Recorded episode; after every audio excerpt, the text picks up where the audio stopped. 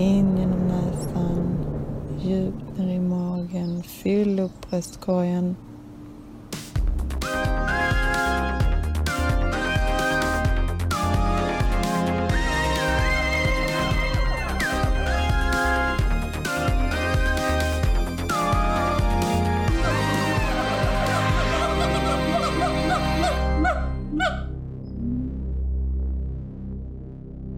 Inspirationen flödar. Som mentor i ett globalt två månaders mastermind för drivna själar som vill bygga personal soul brand. Lära sig stegen för att nå framgång med sin online biz. Copywriting, speaking techniques, soul message och så mycket, mycket mer. Så jag började upptäcka en version av mig själv som älskar branding och design i kombination med soulwork, psychic reading och själens passioner. Din unikhet. Så det funderar jag allvarligt på i framtiden skapa en egen kurs för. Jag har så mycket kunskap inom mig som vill vidareutvecklas. Många misstar kvantiteten före kvaliteten. Du behöver inte ha många följare alls för att skapa en high profit online business. Du behöver ha kvalitet i dina följare. Följare som är engagerade, som du har en relation med och som du genuint bryr dig om. När du är klar över vem du pratar till, vad du vill erbjuda och hur du kan hjälpa någon. Det är då det magiska händer. Därför är design så kul i kombination med psychic reading. För det är din själs essens som din unikhet finns. Ditt soul message och ditt alldeles ega soul brand. Hej och välkomna till Apans anatomi. En podd för soul branding. Ja kanske inte men. Och med mig idag har jag Viktor. Det var du som har skrivit det här? Nej, det är inte du som har skrivit det heller. Min online business har inte så jätte high profit. Nej. Viktor, du och jag sitter ju båda i brandredaktionen. Yes, det stämmer. Vi tänkte den här gången gå in mer på nyhandlighet, konspirationer och det som man kanske kan kalla cosmic right och vad det här egentligen har med vänstern att göra. Den här texten som jag läste först, det är jag snodde den från Facebook-sidan på en av organisatörerna av den här tusenmannamarschen. Nu siktar de ju på en 5000 mannamarsch på första maj av de nyandliga mot coronarestriktioner kan man säga. För frihet och sanning. Du har också följt de här demonstrationerna, Viktor. Ja, det är någonting som har kommit till Sverige nu men som vi har sett liksom runt om i världen under en längre tid och det är just, ja, som du säger, den här giftermålet mellan den nya alternativhögern och ja, liksom den nyandliga, alltså new age alternativmedicin miljön. Så det är någonting som är ganska fascinerande hur det där hänger ihop på något sätt och hur de här grupperna identifierar sig med varandra och hittar någon slags samhörighet. Mm. Och det känns ju bra att, eh, att sitta så här på, på påskdagen och prata om det här när liksom både eh, religiositeten och häxeriet har sin, sin höjdpunkt på året.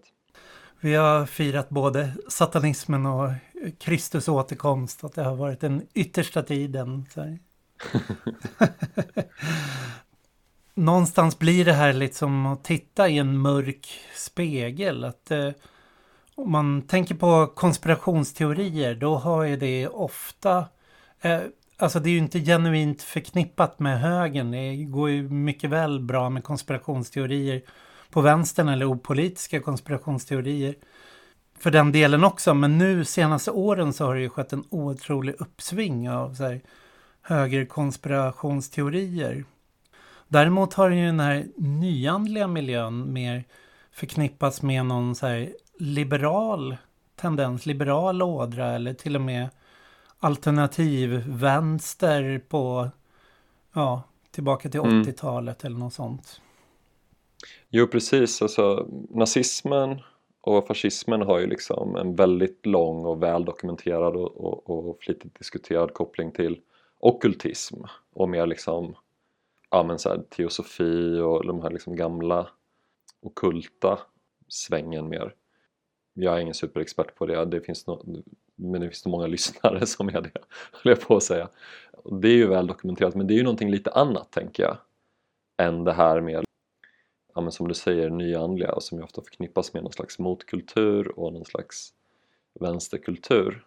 Men det är ju intressant samtidigt för att det, det ligger lite i tiden. Jag såg att det kom en ny ACFM idag som jag inte hunnit lyssna på där de pratar om folkkultur där de bland annat pratar om Fred Turner och hans historieskrivning kring alternativ alltså motkultursrörelsen i USA på 60-70-talet.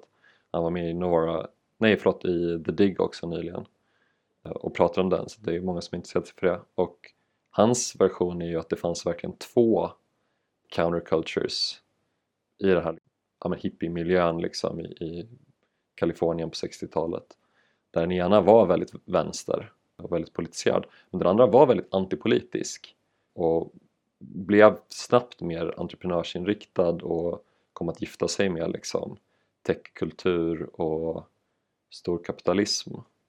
Så att det liksom ändå redan på 60-talet var det ändå någon typ av, av splittring som fanns där. Eller någon slags eh, mångtydighet eller motsägelsefullhet i, i den där rörelsen. Och där, vad man kan säga, den här kaliforniska ideologin som växte fram där kring Silicon Valley och så, att det var det var ingen slump att det koncentrerades just. Silicon Valley hamnade i Kalifornien och liksom sökte sig dit för att det fanns en väldigt kreativ, liksom hippie alternativ rörelse där som också var väldigt eh, inriktad på att göra saker, starta projekt, experimentera med saker och där den kreativa liksom alternativa vänstermiljön fanns sökte sig över kapitalet för investeringar och hittade. Och det var där Silicon Valley sen kom att växa fram. Lite med mm. rötter i den här alternativvänsterkulturen på ett sätt. Mm. Ja, men jag tänker också på det här du sa om, om konspirationsteorier och politiseringen av dem och, och lite så. Jag tänker man kanske ska säga något om det nu i början av, av samtalet med att det är ju lite lurigt det här begreppet konspirationsteori tycker jag. Vad man menar med det. Jag tänker att det finns det finns ju lite, även där, två olika sorters konspirationsteorier egentligen som man kanske ska skilja på. Dels liksom en sån, vad ska man säga, mer mundan eh, vem var det som gjorde det här egentligen och finns det saker som undanhålls allmänheten? Typ mordet på JF Kennedy eller Precis, Estonia. Pa Palme i Sverige är väl det ultimata så här. men vad, vad var egentligen kopplingen mellan Palmemordet och Stay Behind-rörelsen? Det är ju många som tror på som, som inte är liksom, vad ska man säga, skvatt galna eh, utan det, det, det är ganska stor skillnad på det och att liksom gilla Alex Jones eller David Icke och liksom så här, tro på rymdödlor som har liksom ersatt alla, hela den globala styrande klassen. Typ. Alltså, det är två ganska olika grejer och de här sakerna vill ju gärna blandas samman. Jag tänker att så här, att, att undra om det finns någon som döljer någonting i Palmeutredningen eller i mordet på Kennedy liksom, eller är det så att det finns underrättelsetjänster runt om i världen som gör false flag operationer eller sådär, det är ju någonting ganska annat och det finns liksom någonting ur statens perspektiv liksom, så finns det ju ett uppenbart intresse av att, av att sammanblanda de här lite. Men det är ju för de som tror på dem så är det ju två ganska olika grejer på ett sätt samtidigt som såklart många tror ju på bägge på något sätt liksom. Alltså de som tror på David Ikes rymdödlor tror ju också att George Bush sprängde, sprängde World Trade Center liksom. Alltså att det är lite gungfly man är ute på när man pratar om konspirationsteorier på det sättet. Ja, man får ju väl alltid börja med att säga att ja, men, konspirationer finns. Att det finns mm. Sen är frågan om vilka konspirationer sen då som går att bevisa, vilka som är sanna, vilka som är ren spekulation eller vilka som försöker hitta samband där det inte kanske finns några. Jag tänker, vi bollade en text lite framför, eh, mellan oss, eller jag har läst den i alla fall som heter, heter The Emergence of Conspirituality. Alltså där man för samman det här spirituality och conspiration, så här, konspirationer. Konspiritualitet. Och den här texten av Charlotte Ward och David Voss, den, den har tio år på nacken. Och det känns som de var verkligen någonting på spåren när de började skriva det här som bara... När man, om man ska definiera konspirationsteorier så är det alltid tre punkter som brukar lyftas fram. Mm, precis, den första är att inget händer av slump. Det andra är att ingenting är så som det verkar på ytan. Och det tredje är att ja, allting hänger ihop. Det här är, det här är identifierat av en forskare som heter Barken som anförs av Ward of OS men som är ja, lite standard kan man väl säga i akademiska beskrivningar av konspirationsteorier. För grunden för konspirationsteorin är någonstans alltid att när du står inför ett officiellt fakta eller liksom om forskningen ger en samstämmig rapport eller politikerna presenterar någonting eller media går ut med någonting så första reaktionen är alltid misstro då. Att man ska inte tro på det som förs fram. Ingenting är som det egentligen ser ut. Och att det finns den här kopplingen emellan. Och det här är liksom en, eh, vad kan man säga, en, en eh, uråldrig religiös tradition så att säga. Att försöka läsa mot religiösa skrifter för att tolka världen på ett sätt som så här, vad som inte står i den här skriften. Den här religiösa skriften är egentligen skriven av en falsk gud, en demiurg eller någonting som, som vill få människorna att tro någonting så ska vi hitta det sanna uppenbarelsen, sanna teorin om hur världen ser ut så måste vi läsa mot texten, gå bortom den och hitta det den inte säger eller, eller försöka på olika sätt falsifiera den där berättelsen. Så att det, det är ett sätt att eh, hitta det, det dolda genom en, en kritisk läsning och där har alla konspirationsteorier liksom någonstans ett gemensamt drag man ska ju inte förväxla det tänker jag med alltså, att, alltså en kritisk läsning i allmänhet. Jag tänker att det är, liksom, det är väl lite en lurig grej med den här definitionen. Liksom. Den skulle ju också kunna säga, man skulle kunna applicera den på, på många filosofiska projekt. Ja, men dels liksom Hegel och hans efterföljare förstås, liksom Derrida eller så. Skulle man kunna säga att det här gäller för. Och ja, för mycket liksom klassisk skeptisk filosofi så. Men det finns en skillnad i konspirationsteorierna samtidigt som jag tänker att, att det inte riktigt fångas av dem. Liksom. Så det, det är lite lurigt med, med, den här, med den här definitionen därför.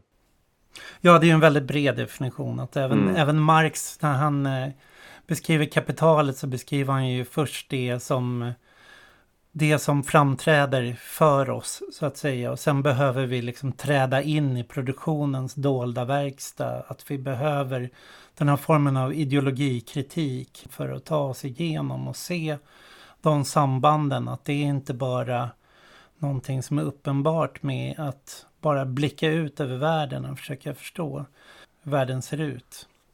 Ja, precis. Och det är ju liksom det är, det är väl där, jag menar, apropå lite den här poängen vi gjorde innan att här, det är väl viktigt därför att på något sätt förhålla sig kritisk även till anklagelser om att någonting ska vara en konspirationsteori på något sätt så.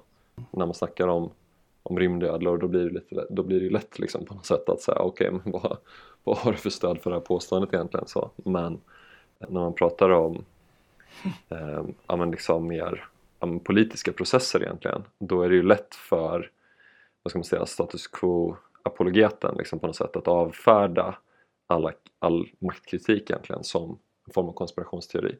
Det är ju något som görs också, tänker jag. Mm. Det är ju någonting som ständigt görs. Jag tänker på, vi kan ta utförsäljningarna av allmännyttiga bostäder i Alby för ett gäng år sedan som ett bra exempel. Så här.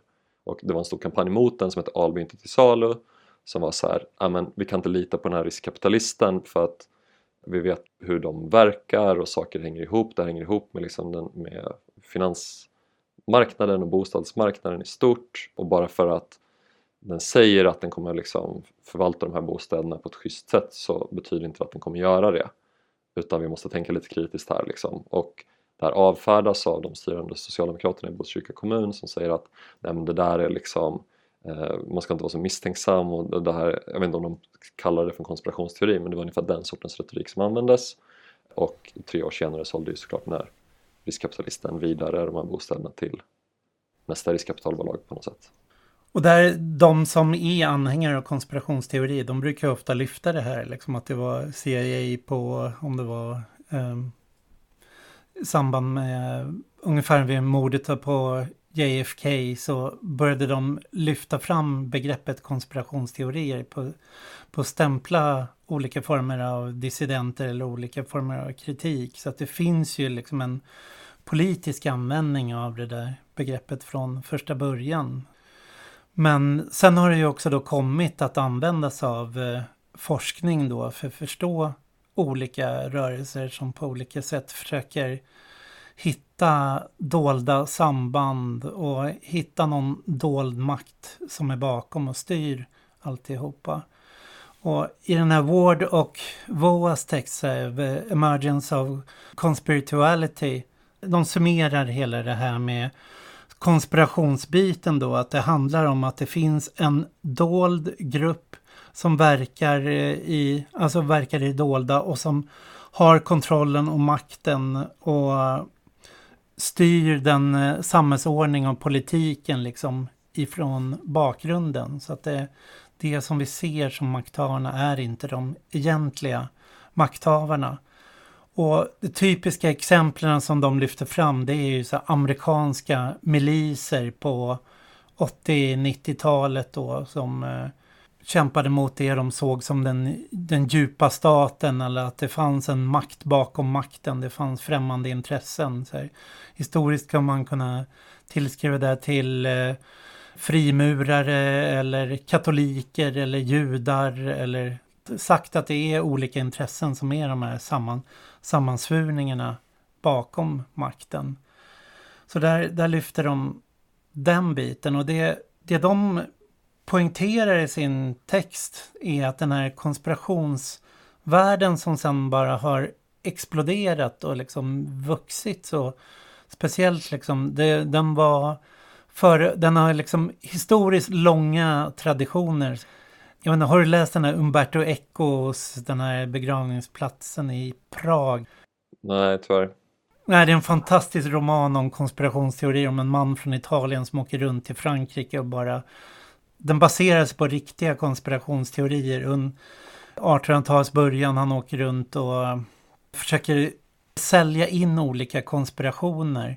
Men tycker att ja, men det här med frimurarna eller jesuitorden, så ja, men jag byter ut det mot judarna, det blir liksom klatschigare och får större effekt. Så att det, de tar upp alla de skrifter som har, eh, alla skrifter som har funnits på riktigt som har inspirerat eh, Sion Vises protokoll liksom av ryska säkerhetstjänsten. Så, så att det, de konspirationsteorierna har ju liksom en lång tradition men med internet kan vi ju säga att de har liksom fått masskanaler som de saknade förut. Där tidigare varit i små obskyra forum. Man var tvungen att hitta de där ställena. De köper, går på de här föreläsningarna eller, eller skaffar de här tidningarna.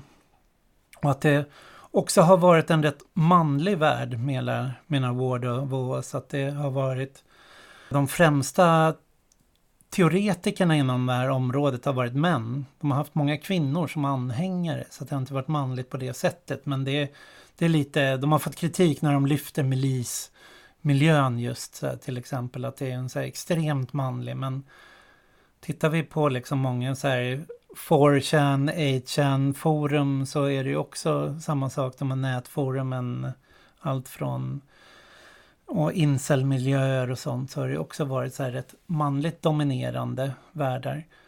Men det som sker nu som de har tittat på då är när det här möter den här wellness, yoga, hälso, alternativ medicin och nyandligheten som har traditionellt varit en väldigt så här, kvinnodominerad värld och om den första konspirationerna ofta har varit liksom mer draget åt högerhållet så har de här nyandliga teorierna ofta dragit åt mer så här liberalt håll och där det har funnits den här mer en så här positiv eller affirmerande stämning om att så här, vi är på väg in i ett paradigmskifte, att eh, människan är på väg att vakna ur ett tillstånd nå en ny form av medvetenhet och du som individ kan vara en del av det här och själv delta i det här vaknandet.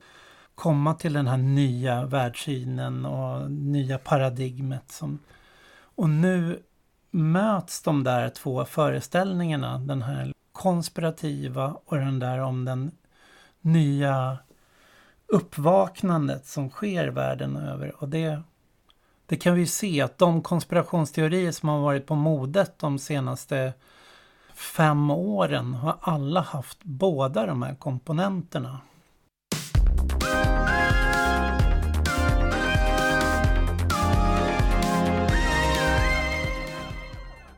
Det är intressant för att just det här liksom med, med konspirationstänket, det är en miljö som även tidigare var delvis politiserad och om man tittar på radikala högerrörelser och i synnerhet liksom den fascistiska rörelsen i Europa och Nordamerika speciellt under liksom efterkrigstiden mm.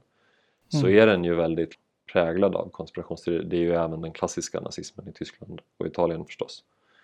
Men det finns ju det överlappet, det är ju, det är ju mycket mer sen gammalt så.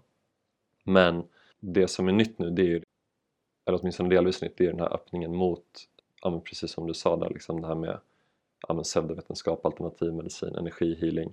De grejerna har nog, alltid, har nog funnits inom den fascistiska rörelsen länge. Så. Men det som är nytt är ju att folk därifrån nu liksom verkar ha hittat någon slags snabb pipeline in i att bli ja, men speciellt Qanon är ju det bästa exemplet antar jag, eller det mest omfattande exemplet på hur det går väldigt snabbt från någon fredsälskande wellness person kan bli liksom så radikalt så här våldsam extremhöger på eh, väldigt kort tid liksom, vad det verkar. Och det finns ju liksom en annan teoretisk ingång som har mindre att göra med det här med konspirationsteoretiker liksom, utan mer att göra med den här alternativsvängen det är en, en, eh, en, forskare som heter Colin Campbell som 1972, så det är ganska länge sedan, formulerade ett koncept som man kallar för den kultiska miljön.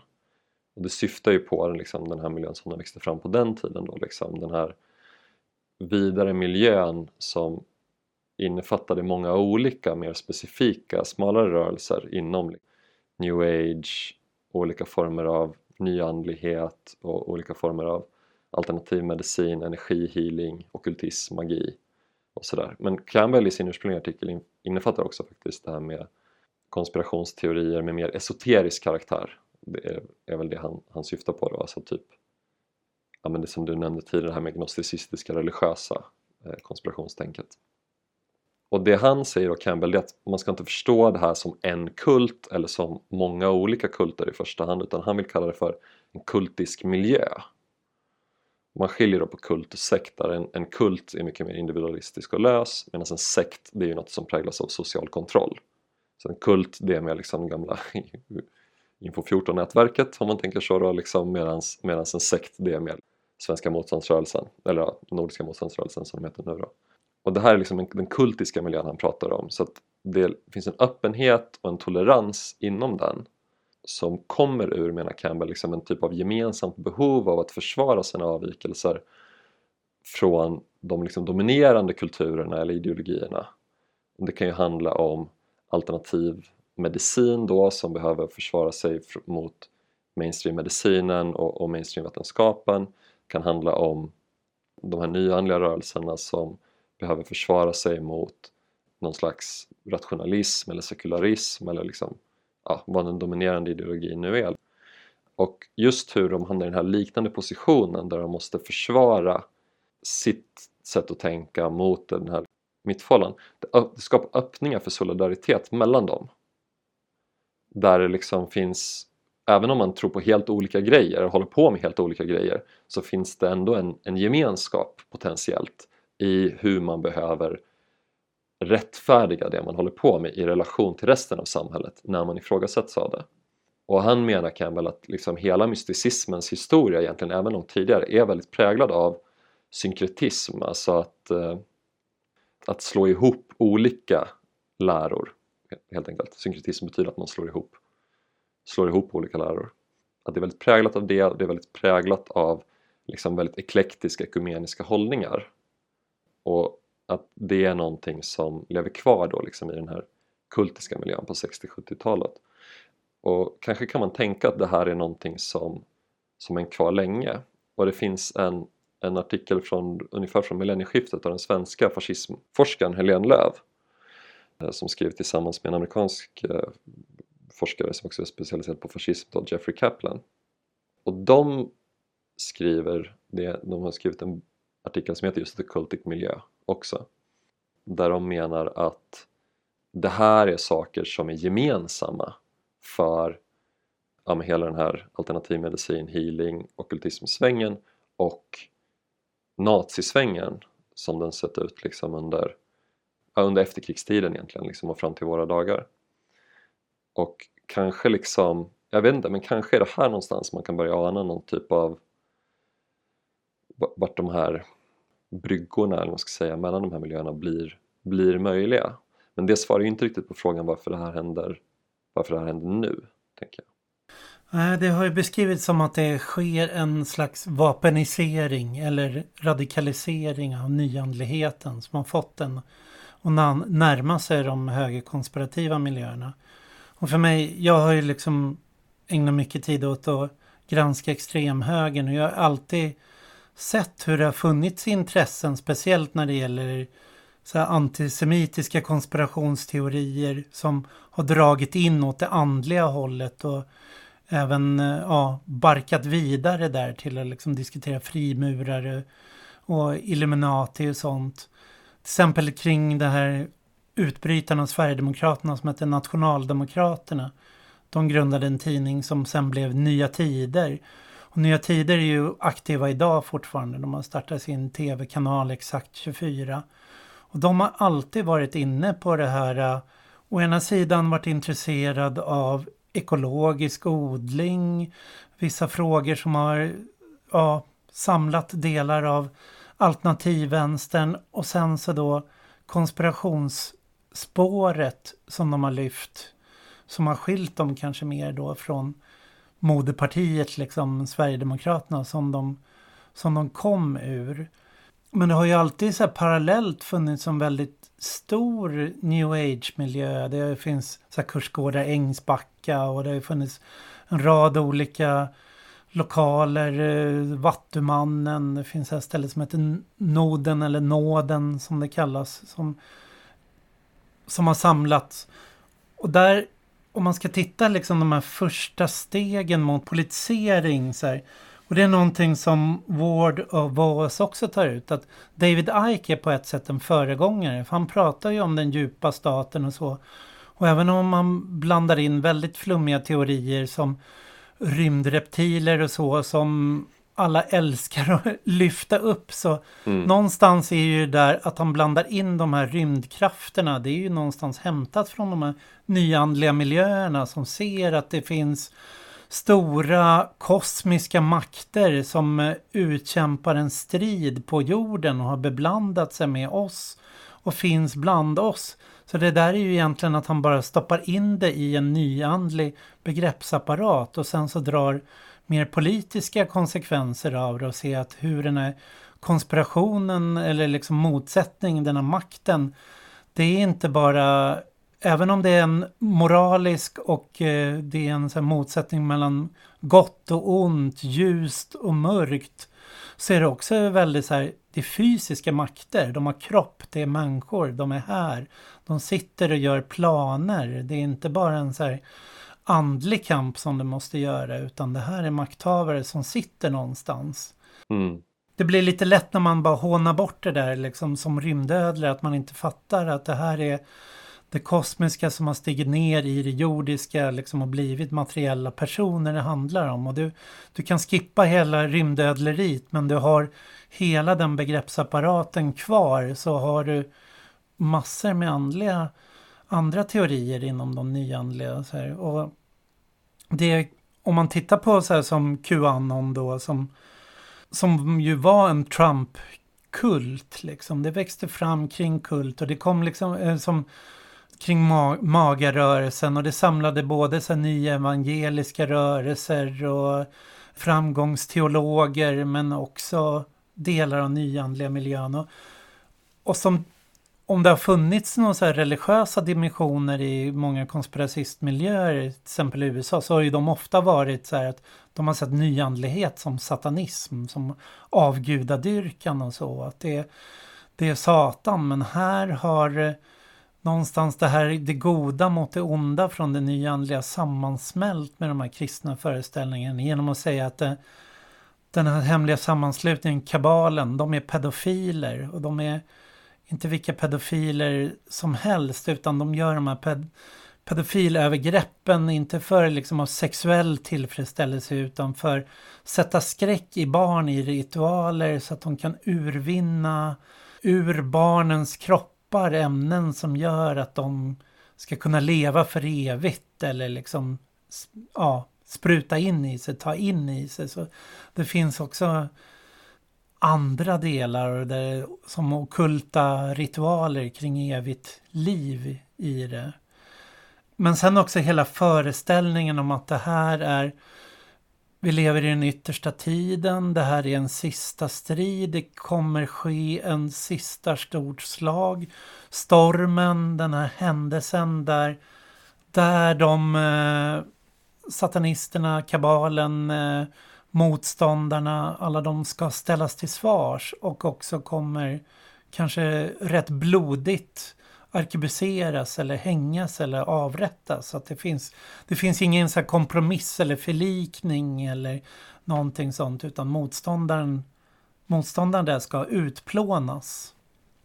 Ja, och nu efter liksom deras nederlag, eller vad man ska säga då, liksom, så eh, blir ju det väldigt tydligt att så här, det finns liksom inte riktigt någon möjlighet att omgruppera på samma premiss liksom, utan de är ju de har väl splittrats nu som jag förstår det mellan en, en del av det som, som eh, eller splittrats, det har väl alltid varit en väldigt spretig rörelse så, det, det kanske vi kan prata mer om strax också för det är en intressant aspekt men å ena sidan finns det ju de nu som tänker att så här, ja, men Trump är en svikare och, och att det var någon typ av förräderi liksom men så finns det ju den andra grejen som, som jag har fattat det verkar vara väl så populär det är ju att så här, nej men det har hänt precis som allt var sagt.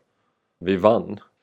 De är straffade. Det har hänt och de är utbytta nu liksom. Eller så här, alltså man har ju olika förklaringar på det här liksom. Och det, det, eh, det är ju spännande för det är ju verkligen det är ju verkligen en enorm impotens som finns där i slutändan. Alltså det finns ju ingenting att verkligen agera kring på något sätt gemensamt när situationen förändras lite eller någonting inte blir riktigt som man tänkt sig utan på något sätt så är det just det här ja, men som du säger, liksom lite millenniariska eller messianistiska liksom, att så här, det är jordens undergång eller så har vi utplånat ondskan liksom. det finns ingen finns liksom inte riktigt någonting mittemellan där det blir väldigt svårt att, att vad ska man säga um, behålla det man har sagt liksom eh, och samtidigt eh, förhålla sig till en värdig förändring. Men jag tänker ett annat fenomen som har varit en brygga mellan de här två miljöerna som är intressant som Ward of Oz också tar upp och det är ju de här mansrättstraditionerna som har funnits. Det finns den här Robert Bly som skrev den här boken som på svenska heter Järnhans.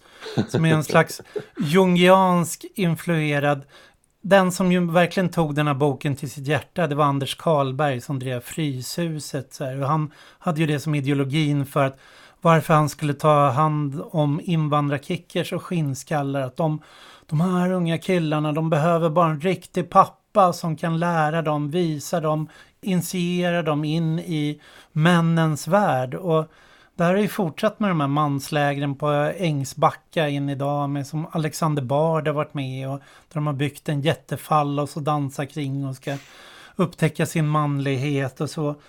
Men framförallt i Jordan B. Petersons böcker som är inspirerade av den här jungianska teorierna. Så här, att mm. det, där har du också det här det mytiska, det andliga som har gått in, rimmat väl med det nyandliga. Men dessutom då försökte just den här självhjälpsformen att, eh, att män måste ta ansvar för andra män och män måste coacha dem in i den här mansrollen som har blivit förstörd av kvinnorna som draken, satan eller liksom feminismen som en slags häxkonst på olika sätt som har feminiserat mannen. Och nu måste mannen hitta tillbaks till manligheten för att återställa liksom en slags könslig balans där, yin och yang och ta sin plats och ta sitt ansvar.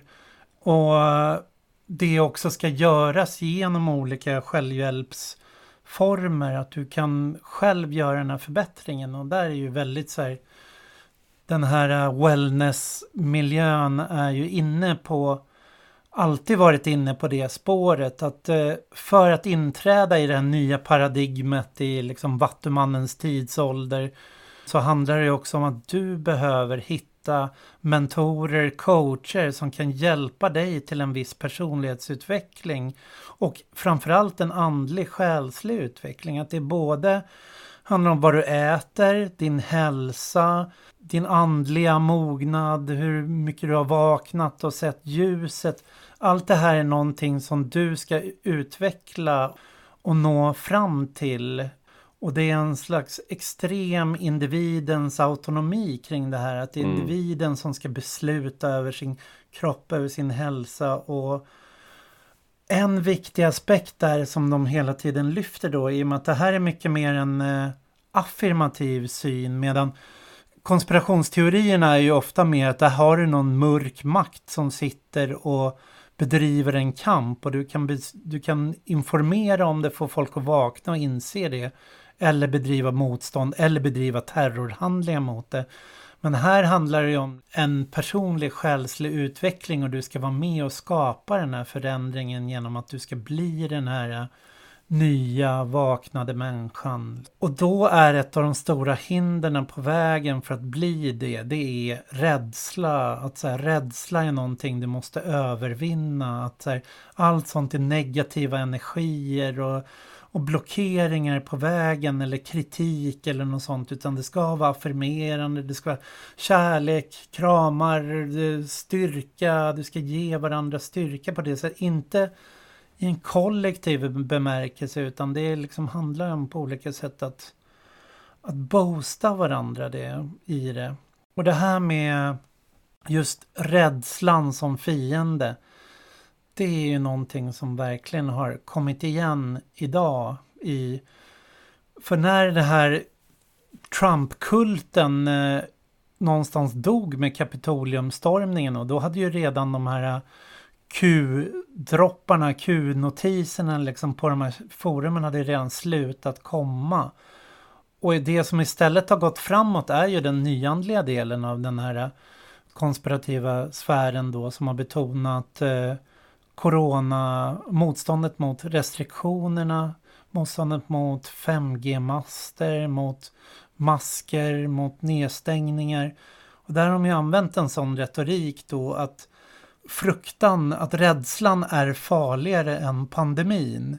Att genom att skapa det här paniktillståndet, det så kan den globala makten då genomföra en världsomställning. Och det är ju inte det är inte helt fel tänkt. Så, så det finns ju ett korn sanning i det här. Men, men att då fruktan är det som är, är det farliga. Och därför att genom att gå ut utan mask, gå nära folk, krama folk, ifrågasätta att de har mask. Att genomföra sådana här former av kärleksparader utåt för att visa. Det är ju för att de ser då de här äh, att det är en äh, en mörkrets skrämselkampanj som är på gång för att kunna genomföra en omställning. Tvinga i oss de här äh, vaccinen eller mm. oavsett om de tror att det är chip eller om, eller om de bara tror att det här är skadliga, kommer skada DNA eller något sånt. Ja, och där är det ju, det är ju spännande för det där är ju någonting som är väl det lite som återstår. Alltså det var ju det är som att det här har kopplats så himla starkt till Qanon och jag tänker att det ibland lite kan, kan fördunkla också vad det egentligen är för bredare fenomen vi pratar om. Om det bara är liksom Qanon då, då förstår vi inte varför det här kommer till Sverige just nu. Det har ingenting med det, eller det har inte ingenting med det att göra antar jag, utan det har väl någonting med det att göra men det är inte Qanon som kommer nu även om många av dem som, som eh, är inne på det här här i Sverige, de här tusenmannamärscherna och vidare, så vidare säkert åtminstone lite har läst det och inspirerade av det skulle jag tro. Men det finns ju de här andra sakerna som du lyfter. Jag tänker att en an, ytterligare annan aspekt som eh, förstås var en väldigt central del av trumpismen också men som verkligen verkar överleva den just nu och som, som är stor i den här rörelsen i Sverige och i USA än idag och, och ja, men runt om i världen egentligen det är ju sinofobin alltså att saker är väldigt inriktade på, på Kina och liksom mm. att det är Kina som är hotet och det här med restriktioner kommer från WHO och det är WHO och den kinesiska regeringen som gör det tillsammans och det handlar om att införa New World Order men det är egentligen regisserat av kinesiska staten. Mycket av det sånt där flyter ihop, det ser man både här, här i Sverige och, och runt om i världen. Men det är också så att det finns en liksom institutionell koppling där som går tillbaks eh, ett gäng år tillbaks i tiden som är liksom den exilkinesiska antikommunismen mm. som finansierar det här och, och driver det i väldigt hög grad och den är också intressant för den har ju verkligen, den, speciellt det allra senaste året, kommit att, att på en liksom väldigt institutionell nivå gifta ihop också liksom extremhögern med new age-svängen mm. genom å ena sidan då det här G-news och GTV som är ett stort medieprojekt som drivs av en exilkinesisk självutnämnd whistleblower men det finns liksom massa, vad ska man säga, alla de uppgifterna han har kommit med är ju väldigt tveksamma om varför liksom han, han inte får vara i Kina. Han heter Gu Wengui med reservation för mitt kinesiska uttal här som är väldigt tveksamt. Och hans främsta allierade i nuläget är ju Steve Bannon känd från Breitbart och tidigare rådgivare till Trump. De flesta som lyssnar på Apensam som i känner väl förmodligen till Steve Bannon, du har ju pratat om honom många gånger i den här mm. podden. Så det är det å ena sidan, och sen å andra sidan då är det de som var de främsta eh, för Trump i valkampanjen 2016, alltså falungong. Den liksom nyandliga rörelsen som grundades i Kina tidigt 90-tal av en man som heter Li Hongxi som numera också är baserad i USA precis som Genius, GTV. De har liksom sin mediasfär då liksom Epoch Times och New Tang Dynasty Television. Och det här är ju ekonomiskt otroligt starka institutioner som eh, kommer från olika håll, de enas kring det här med antikommunismen.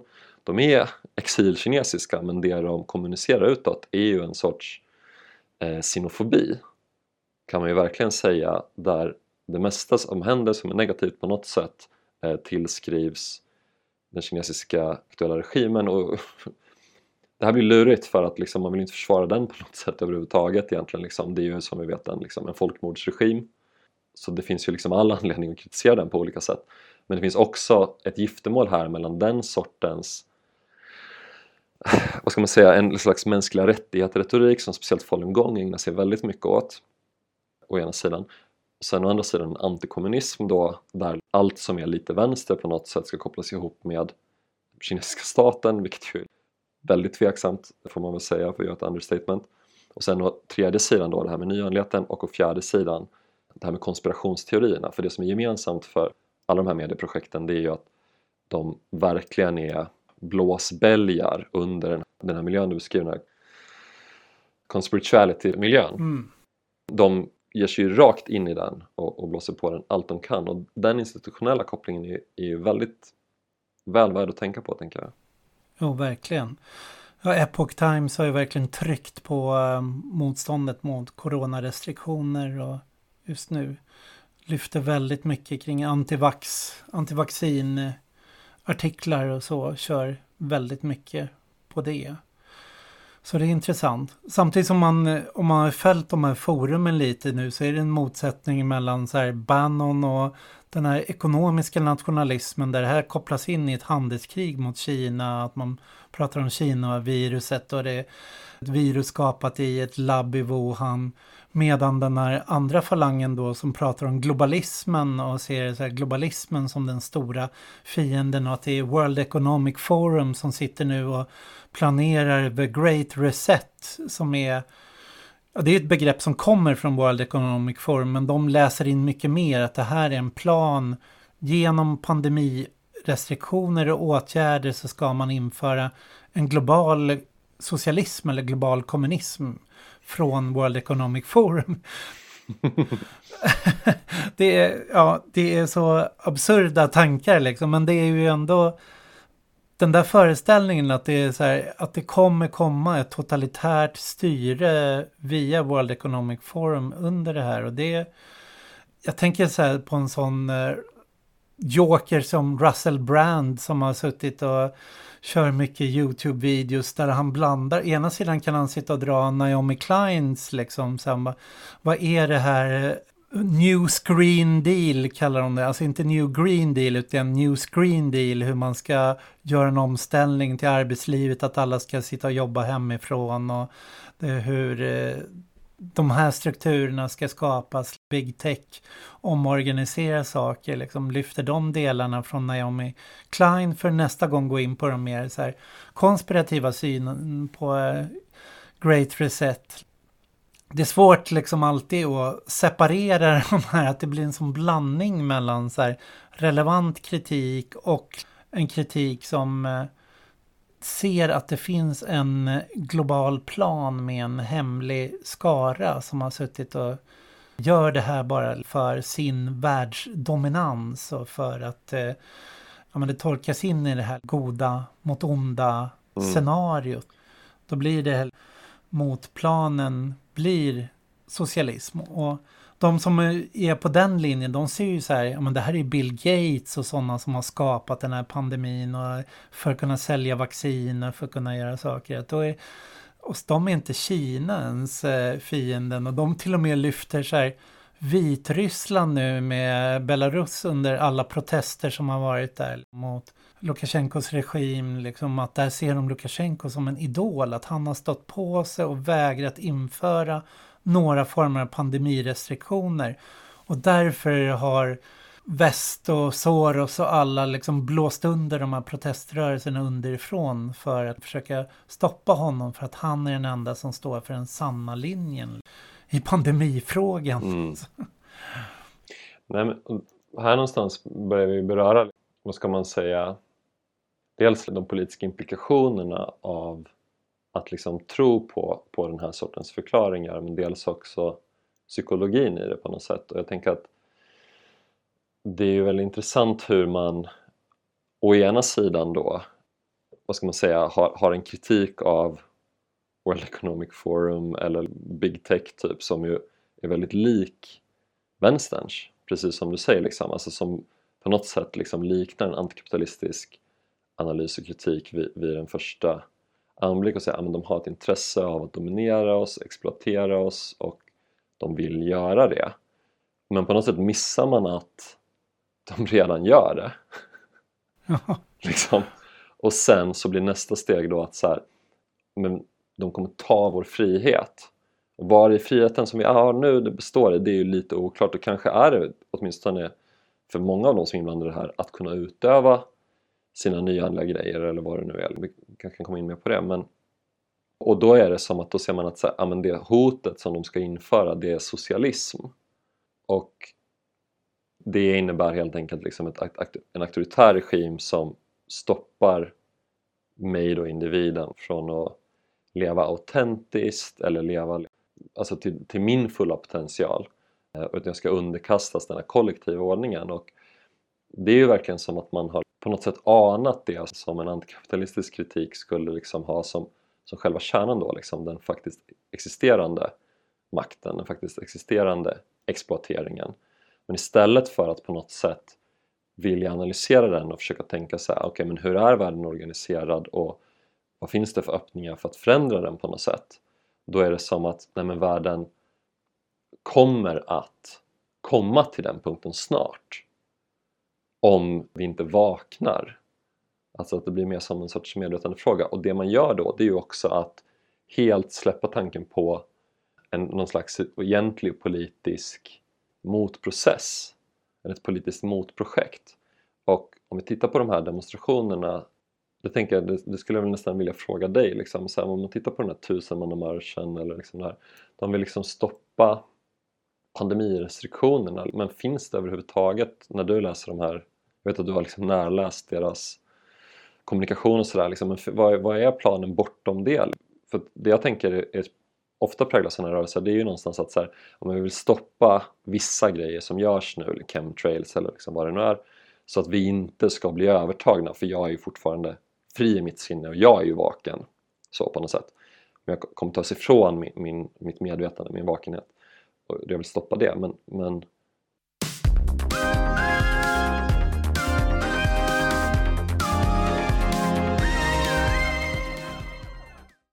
Finns det någonting i det här som de håller på att mobilisera nu som försöker liksom gå mot att faktiskt förändra samhället på något annat sätt, alltså i mer, någon typ av mer positivt innehåll eller vad man ska säga? Det är ju intressant för att det jag känner ju alltid att de här äh, alternativmedierna på högerkanten som har varit konspirativa, de har ju ofta gjort det i någon slags infriande, att de vill fånga in den nya andliga miljön i deras invandringsmotstånd och liksom kanalisera in det i om man ska, kalla det liksom ett eh, nationalkonservativt projekt. Medan nu har den här miljön kring sajter som vaken.se och Wake Up Friends och de här som fixade nu som kallades för Frihet Sverige eller Frihetsrörelsen. De har blivit så stora att de kan liksom sätta lite agendan själva och eh, alternativmedierna och de här eh, nationalkonservativa springer bara efter och försöker göra olika utspel då som ska locka dem till sig. Men det är inte de som på något sätt har initiativet längre.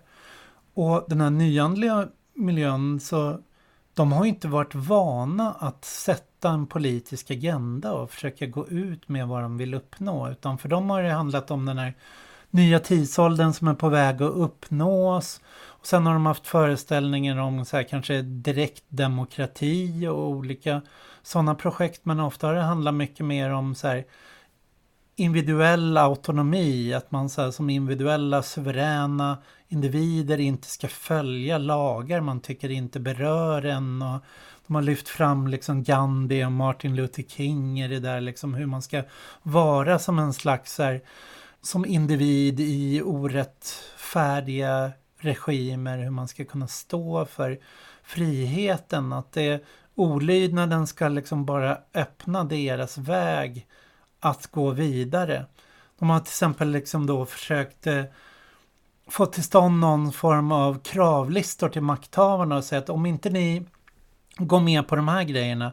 Öppnar upp alla restauranger, öppnar upp alla krogar, tillåter demonstrationer igen så kommer vi fortsätta göra de här demonstrationerna så det blir olydnad och kaos på gatorna och ni måste sätta in tusentals poliser och det ser dåligt ut när ni släpar bort gamla tanter och liksom det kommer det gynnar inte er i längden att det blir sådana liksom, protester. Så här, och se på Tyskland hur stort det har blivit eller på England. Så, här, så, att, så att de börjar form försöka formulera någon form av krav och eh, hitta någon form av sin motsvarighet till strejken då. Vägra restriktionen är deras strejk, att gå ut på gatan.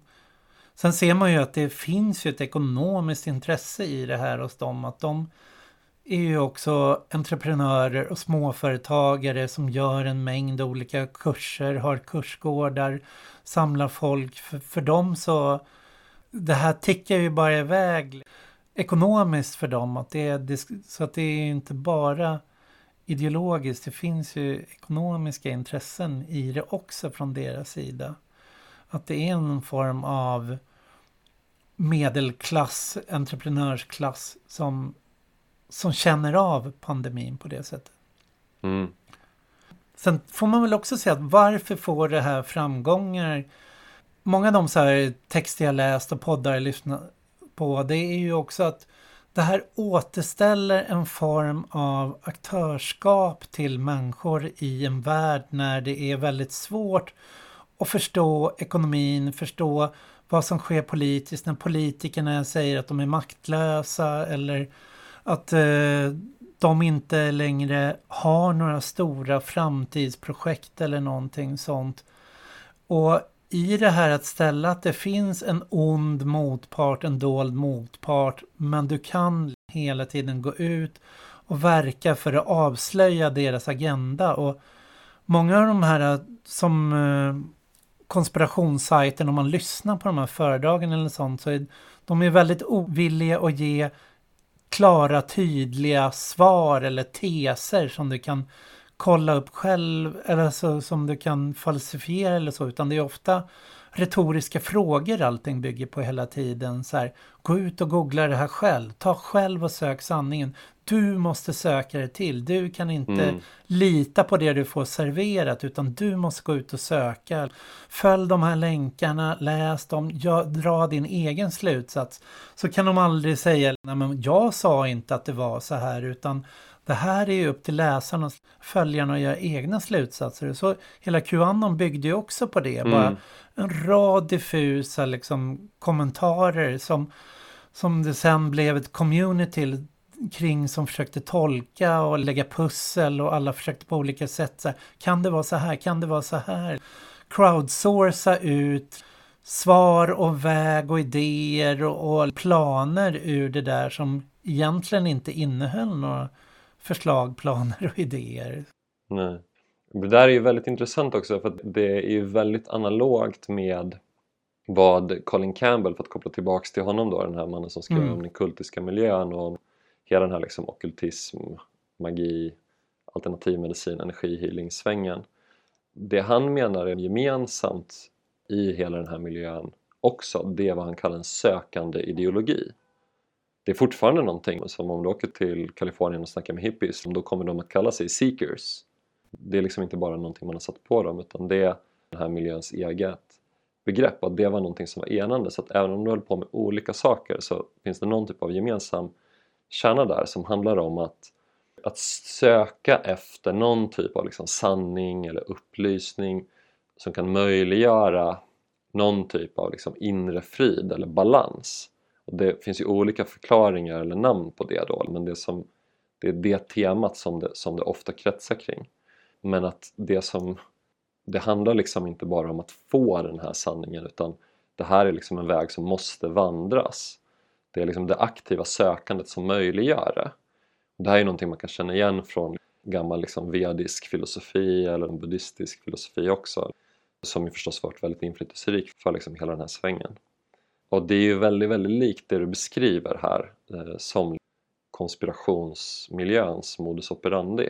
Och jag tänker också att det är ju någonting som man tänker så varför är en så liksom vad ska man säga, ett, ett, ett så kort avstånd på något sätt mellan, mellan att intressera sig för wellness och sen att plötsligt vara djupt in i Qanon. Det kanske är den där logiken åtminstone delvis som, som gör det så igenkännligt och så, som också går åt andra hållet verkar det som. Det verkar som att liksom det är olika högerdårar som snett in på Qanon och sen plötsligt är de så här star seeds som håller på att höja sin medvetandenivå inför den nya, den nya epoken.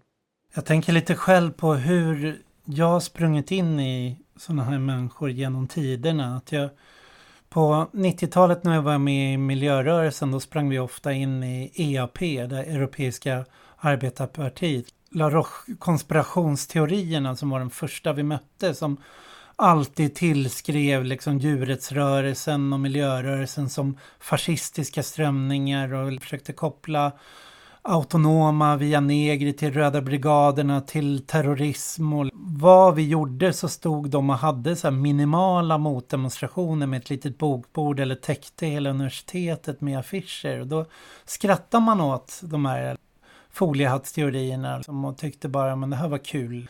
Jag gick fram och välte bokbordet när Torbjörn Järlerup som idag är en socialdemokrat, eh, antirasist, stod där och pläderade liksom för de där eh, att vi miljörörelsen miljörörelsen var fascister.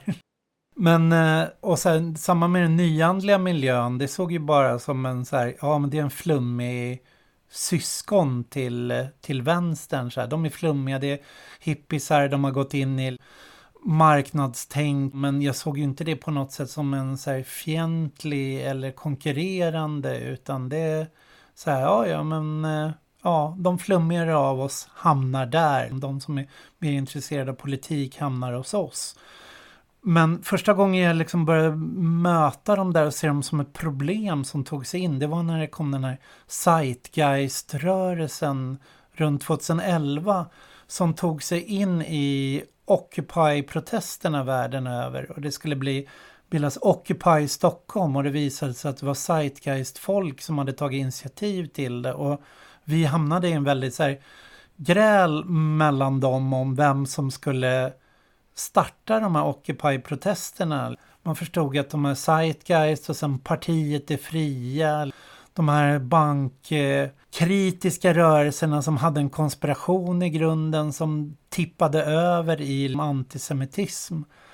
Så jag pendlade alltid mellan så här, men det här gamla citatet som tillskrivs Bebel, socialdemokraten Bebel om att så här, det här är dårskapens socialism. Så här, att, ja, men det är för att vi inte finns där och har gett en bra analys och gett bra förklaringar så kommer de med de här förenklade förklaringarna som etnifierar och säger att det är en, en etnisk grupp, att det är judarna bakom eller att de tillskriver det till bara en, en liten grupp aktörer, att det är deras personliga aktörer istället för att beskriva det som system. Att det var det som var problemet och att därför vi var tvungna att liksom ta fighten mot dem, driva ut dem ur rörelsen. Men det handlar också om att det var en spegling av vår svaghet, att vi klarade inte av att ge vår förklaringsmodell och då trädde de här enkla förvridna förklaringsmodellerna in. Men någonstans så identifierade de samma problem någonstans. Men här idag kring, eh, kring Qanon, där gick det ju liksom inte på någonstans ens att tänka att det fanns en beröringspunkt i det här. Liksom att vi adresserade samma problem. Och visst, vi pratade om problemen med globalisering, de pratade om problemet med globalister det hade kunnat, vi har liksom vi har protesterat mot eh, World Economic Forum-möten men de ser World Economic Forum som, som bakom den globala socialismen. Här börjar det liksom eh, bli svårt att mötas på någonting och känna att ja, men det här är arbetarklassen eller det här är bra folk som har förletts mm. någonstans på vägen börjat, börjat bara tänka fel. Sen med de här coronaprotesterna är ju lite mer så här att ja men ja, det är ju lite så, någonstans sorgligt att vänstern inte tagit initiativet i den här frågan och gått ut och sagt att så här, men i Tyskland där de haft mycket hårdare nedstängningar och eh, pandemirestriktioner så är demonstrationer fortfarande tillåtet. Så här. Att det är någonstans är ju det är musikscenen, det är de politiska manifestationerna och det är sporten som har fått ta den och bära liksom en tung kostnad för det här. Att inte kunna mötas på ett sätt. Så här. Samtidigt som eh, det har varit väldigt viktigt för oss också liksom, att jobba med vårdfrågan, se liksom hur en eh, nyliberal omvandling av eh, äldrevård och sjukvård har liksom slagit hårt och liksom gjort att vi drabbas hårdare liksom av pandemin i, i Sverige, liksom än våra nordiska grannländer och så. Men eh, det är ett mm. tappat initiativ där och det känns, det känns jävligt surt att se dem ute på första maj göra en karnevalsparad och gå och skrika This is what democracy looks like och liksom köra de slagord, alla de grejer som vi gjorde för tio år sedan med våra Euromayday-parader och liksom mm. with, This is what democracy looks like var ju stora Seattle-slagordet. Lyfta olydnaden som kampform och så här. Ja, vad tänker du? Är det här dårarnas socialism för vår tid? Nej, men jag tror verkligen inte det är det, utan jag tror snarare det här är liksom dårarnas fascism i sådana fall. Och jag tänker att det är väl det vi ser också när vi ser den här tusenmannamarschen fylld av ja, de liksom olika naziorganisationer som ändå finns kvar i Sverige som ju får en tynande tillvaro nu för tiden jämfört med hur det var för 15-20 år sedan men som ändå ja, i skuggan av SD kan man väl säga men som, men som ändå finns kvar. Och jag tänker att det är ju snarare så att det är de som ser beröringspunkterna med den här rörelsen. Det är klart att det finns viss estetik då liksom plockas från vänstern och så kommer det nog alltid vara när det gäller alla typer av olydnad eller annan sån konfrontation med staten precis som det nyliberala projektet klädde sig i vänster mot kulturens skrud på något sätt från 60-talet när den ägnade sig åt sitt väldigt statliga, väldigt kapitalistiska, väldigt etablissemangsorienterade omdaningsprojekt. Jag tänker att det är på samma sätt med det här. Man känner sig på något sätt som, som att man protesterar mot någon typ av makt men lite som vi var inne på nyss så är det ju nog egentligen inte riktigt så det ser ut utan jag tänker att på ett sätt finns det ju en väldig konformism i de här protesterna. Det är verkligen så men vi vill inte ha någon förändring. Stoppa åtgärderna för att skydda vården i den här situationen.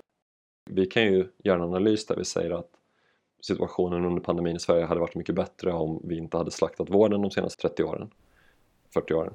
Um, mm. Och det, det är, jag tänker att såklart är det så, men här är det liksom ett, ett, någonting som säger såhär, nej men alltså det finns ju inget budskap om att säga, men vi behöver stärka upp de här strukturerna på olika sätt utan det handlar ju snarare om att säga, men vi ska bevara status quo och jag tänker att det speglar också den här klassammansättningen i den här rörelsen som du inledde med att läsa det här helt otroliga citatet från den här organisatören mm. om hur hon brandar sin soul design och hur det är ju någonting som genomgående präglar den här rörelsen att det är liksom entreprenörer som har varit på många sätt väldigt bekväma i det här nyliberala projektet. Lite som mm. vi var inne på i början så finns det ju väldigt mycket av den här mer individualistiska och mer antipolitiska motkulturen från 60-70-talet och nyandligheten. Väldigt mycket av den har ju gift sig väldigt väl med nyliberalismen och mitt inne i ekonomins mittfora nu, vare sig vi pratar om Bill Gates eller om vi pratar om, kanske inte Bill Gates i och för sig då, han är väl alltså för någonting lite annat, men Steve Jobs då, liksom, även om han är död nu, så är det väl hans ande som de här personerna är, är präglade av.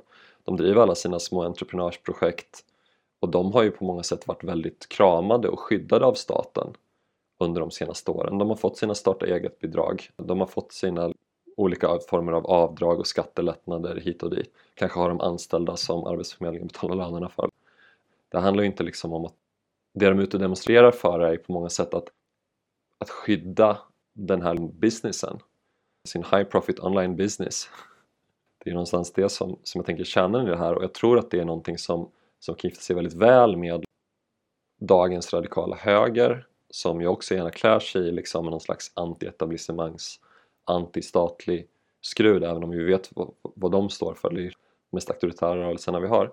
Men det handlar liksom inte om det på något sätt utan det handlar om att för dem tänker jag, eller så här, om jag backar lite så här. Vi vet ju att de står för någonting väldigt auktoritärt men om det var så liksom att fascismen så som vi minns den från historien, liksom, alltså att det handlar om liksom någonting väldigt enhetstörstande, någonting väldigt totaliserande, någonting väldigt vertikalt om ledarprincipen och så vidare. Det där är ju det som jag tänker så här, Foucault skriver i, i introduktionen till Antioidipus av, av Deleuze Guattari att så här, Rhizomet och, och Deleuze Guattaris projekt det är liksom introduktionen till ett antifascistiskt sätt att leva. Det befriar oss från det där vertikala, enhetstörstande, totaliserande och sådär. Men det vi ser idag det är att det var ju kanske inte det som var fascismens kärna utan Foucault missade liksom, vad ska man säga, hur fascismen också kunde förändras med tiden på något sätt och det vi ser idag är ju liksom en väldigt rhizomatisk egentligen radikal höger. Eller hur? Den är präglad av, av väldigt skilda grupper, en väldig öppenhet mellan dem. Alla de här människorna rör sig mellan dem ofta, eller man hoppar in och ut ur olika projekt beroende på lite vilken personlig konflikt man är inne i för tillfället. Och, och det är inga problem att röra sig emellan på så sätt så gifter den sig väldigt väl med en form av, av nyliberal entreprenörsklass och deras paranoia gällande liksom hur ja, pandemin eller vad det nu är för liksom drastiska händelser i världen ska hota deras lilla skyddade verkstad. Ja, verkligen. Men jag tänker, vi gjorde ju ett avsnitt förut om uh, Wendy Brown och resentiment. Och jag tänker konspirationsteorier, det är ju i grunden en resentimentsmobilisering. Att det handlar om eh, människor som känner sig utsatts för någon skada eller kränkning och som vill ha någon form av hämnd eller upprättelse på det och tillskriver den här skadan till en dold makt eller ett dolt system. Liksom det är, resentimentet är väldigt bärande i den mobiliseringen. Men just den här uh, nyandliga och liksom wellnessmiljön går inte alls beskriva som en resentimentsmobilisering på det sättet alls. Utan där är ju mycket mer en uh, de är mycket mer en affirmativ, att allting handlar om så här personlighetsutveckling, att få fritt få utvecklas och den som lägger fram hinder för utveckling, de hindren måste forceras och brytas igenom, men de ser sig i grunden inte som en politisk rörelse utan det är en väckelserörelse, uppvaknande rörelse som genom sin utveckling då ska, ska liksom nå det här högre stadiet. Det finns en slags elitistisk rättframhet i det. Så här. Och nu har de ett så här kortvarigt momentum under pandemirestriktionerna. Så här, det är ju först med när pandemilagen kom på plats och vi står i tredje vågen som de har hittat sitt. Och vi får se liksom till hösten om, om vaccineringen har kommit så långt och liksom det har skett en viss uppbromsning av pandemin. Liksom att de om formen kommer säkerligen bestå, precis som Qanon är nog slut. Trump är inte samlande längre. Men vad blir nästa samlande då? kommer det fortsätta vara en samling mellan den nyandliga rörelsen och den här eh, Sverigevänliga nationalkonservativa som finner varandra? Det är det som återstår att se. Vad nästa form av reaktionär mobilisering i den här tappningen kan bli.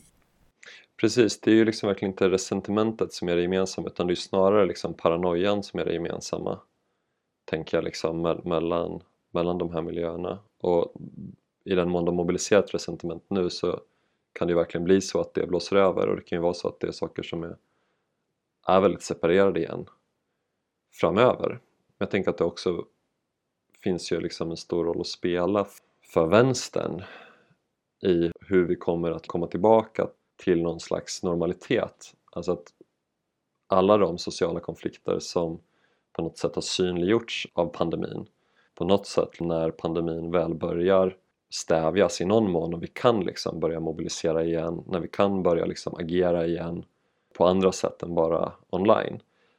Då är ju frågan, kommer den energi som har samlats eller som har uppstått nu under pandemin, kommer den att kunna ta ett kliv ut och styra saker i någon slags vänsterriktning? Eller kommer man att liksom bara ja, fira att pandemin är över och gå tillbaks till det, till det gamla vanliga på något sätt? Jag tänker att det är det som är risken. Utan jag tänker att eh, vi måste ju vara på tårna i den här fasen vi går in i nu eh, och vi måste ju vara de som sätter agendan så snabbt som möjligt. Inte minst med tanke på ja, men hur pass snart vi kommer gå in i valår och valrörelse och hur det också har en tendens att kväva utrymmet för alla typer av sociala rörelser och så vidare. Så att jag tänker att vi har det är ett ganska litet fönster där man verkligen borde försöka få in all den mobilisering man kan.